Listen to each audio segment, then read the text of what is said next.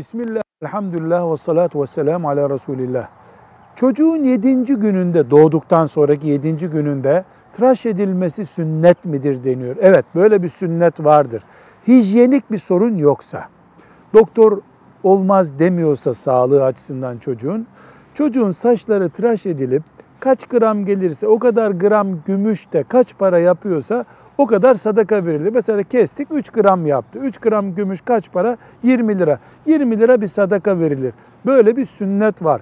Kesmek çocuğun sağlığı açısından uygun değil veya ehliyetli birine kestiremeyeceğiz. Hijyenik bir makinamız yok gibi bir sebep olursa o kadar miktarı sadaka versek de inşallah bu sünnet yerini bulur. Velhamdülillahi Rabbil Alemin.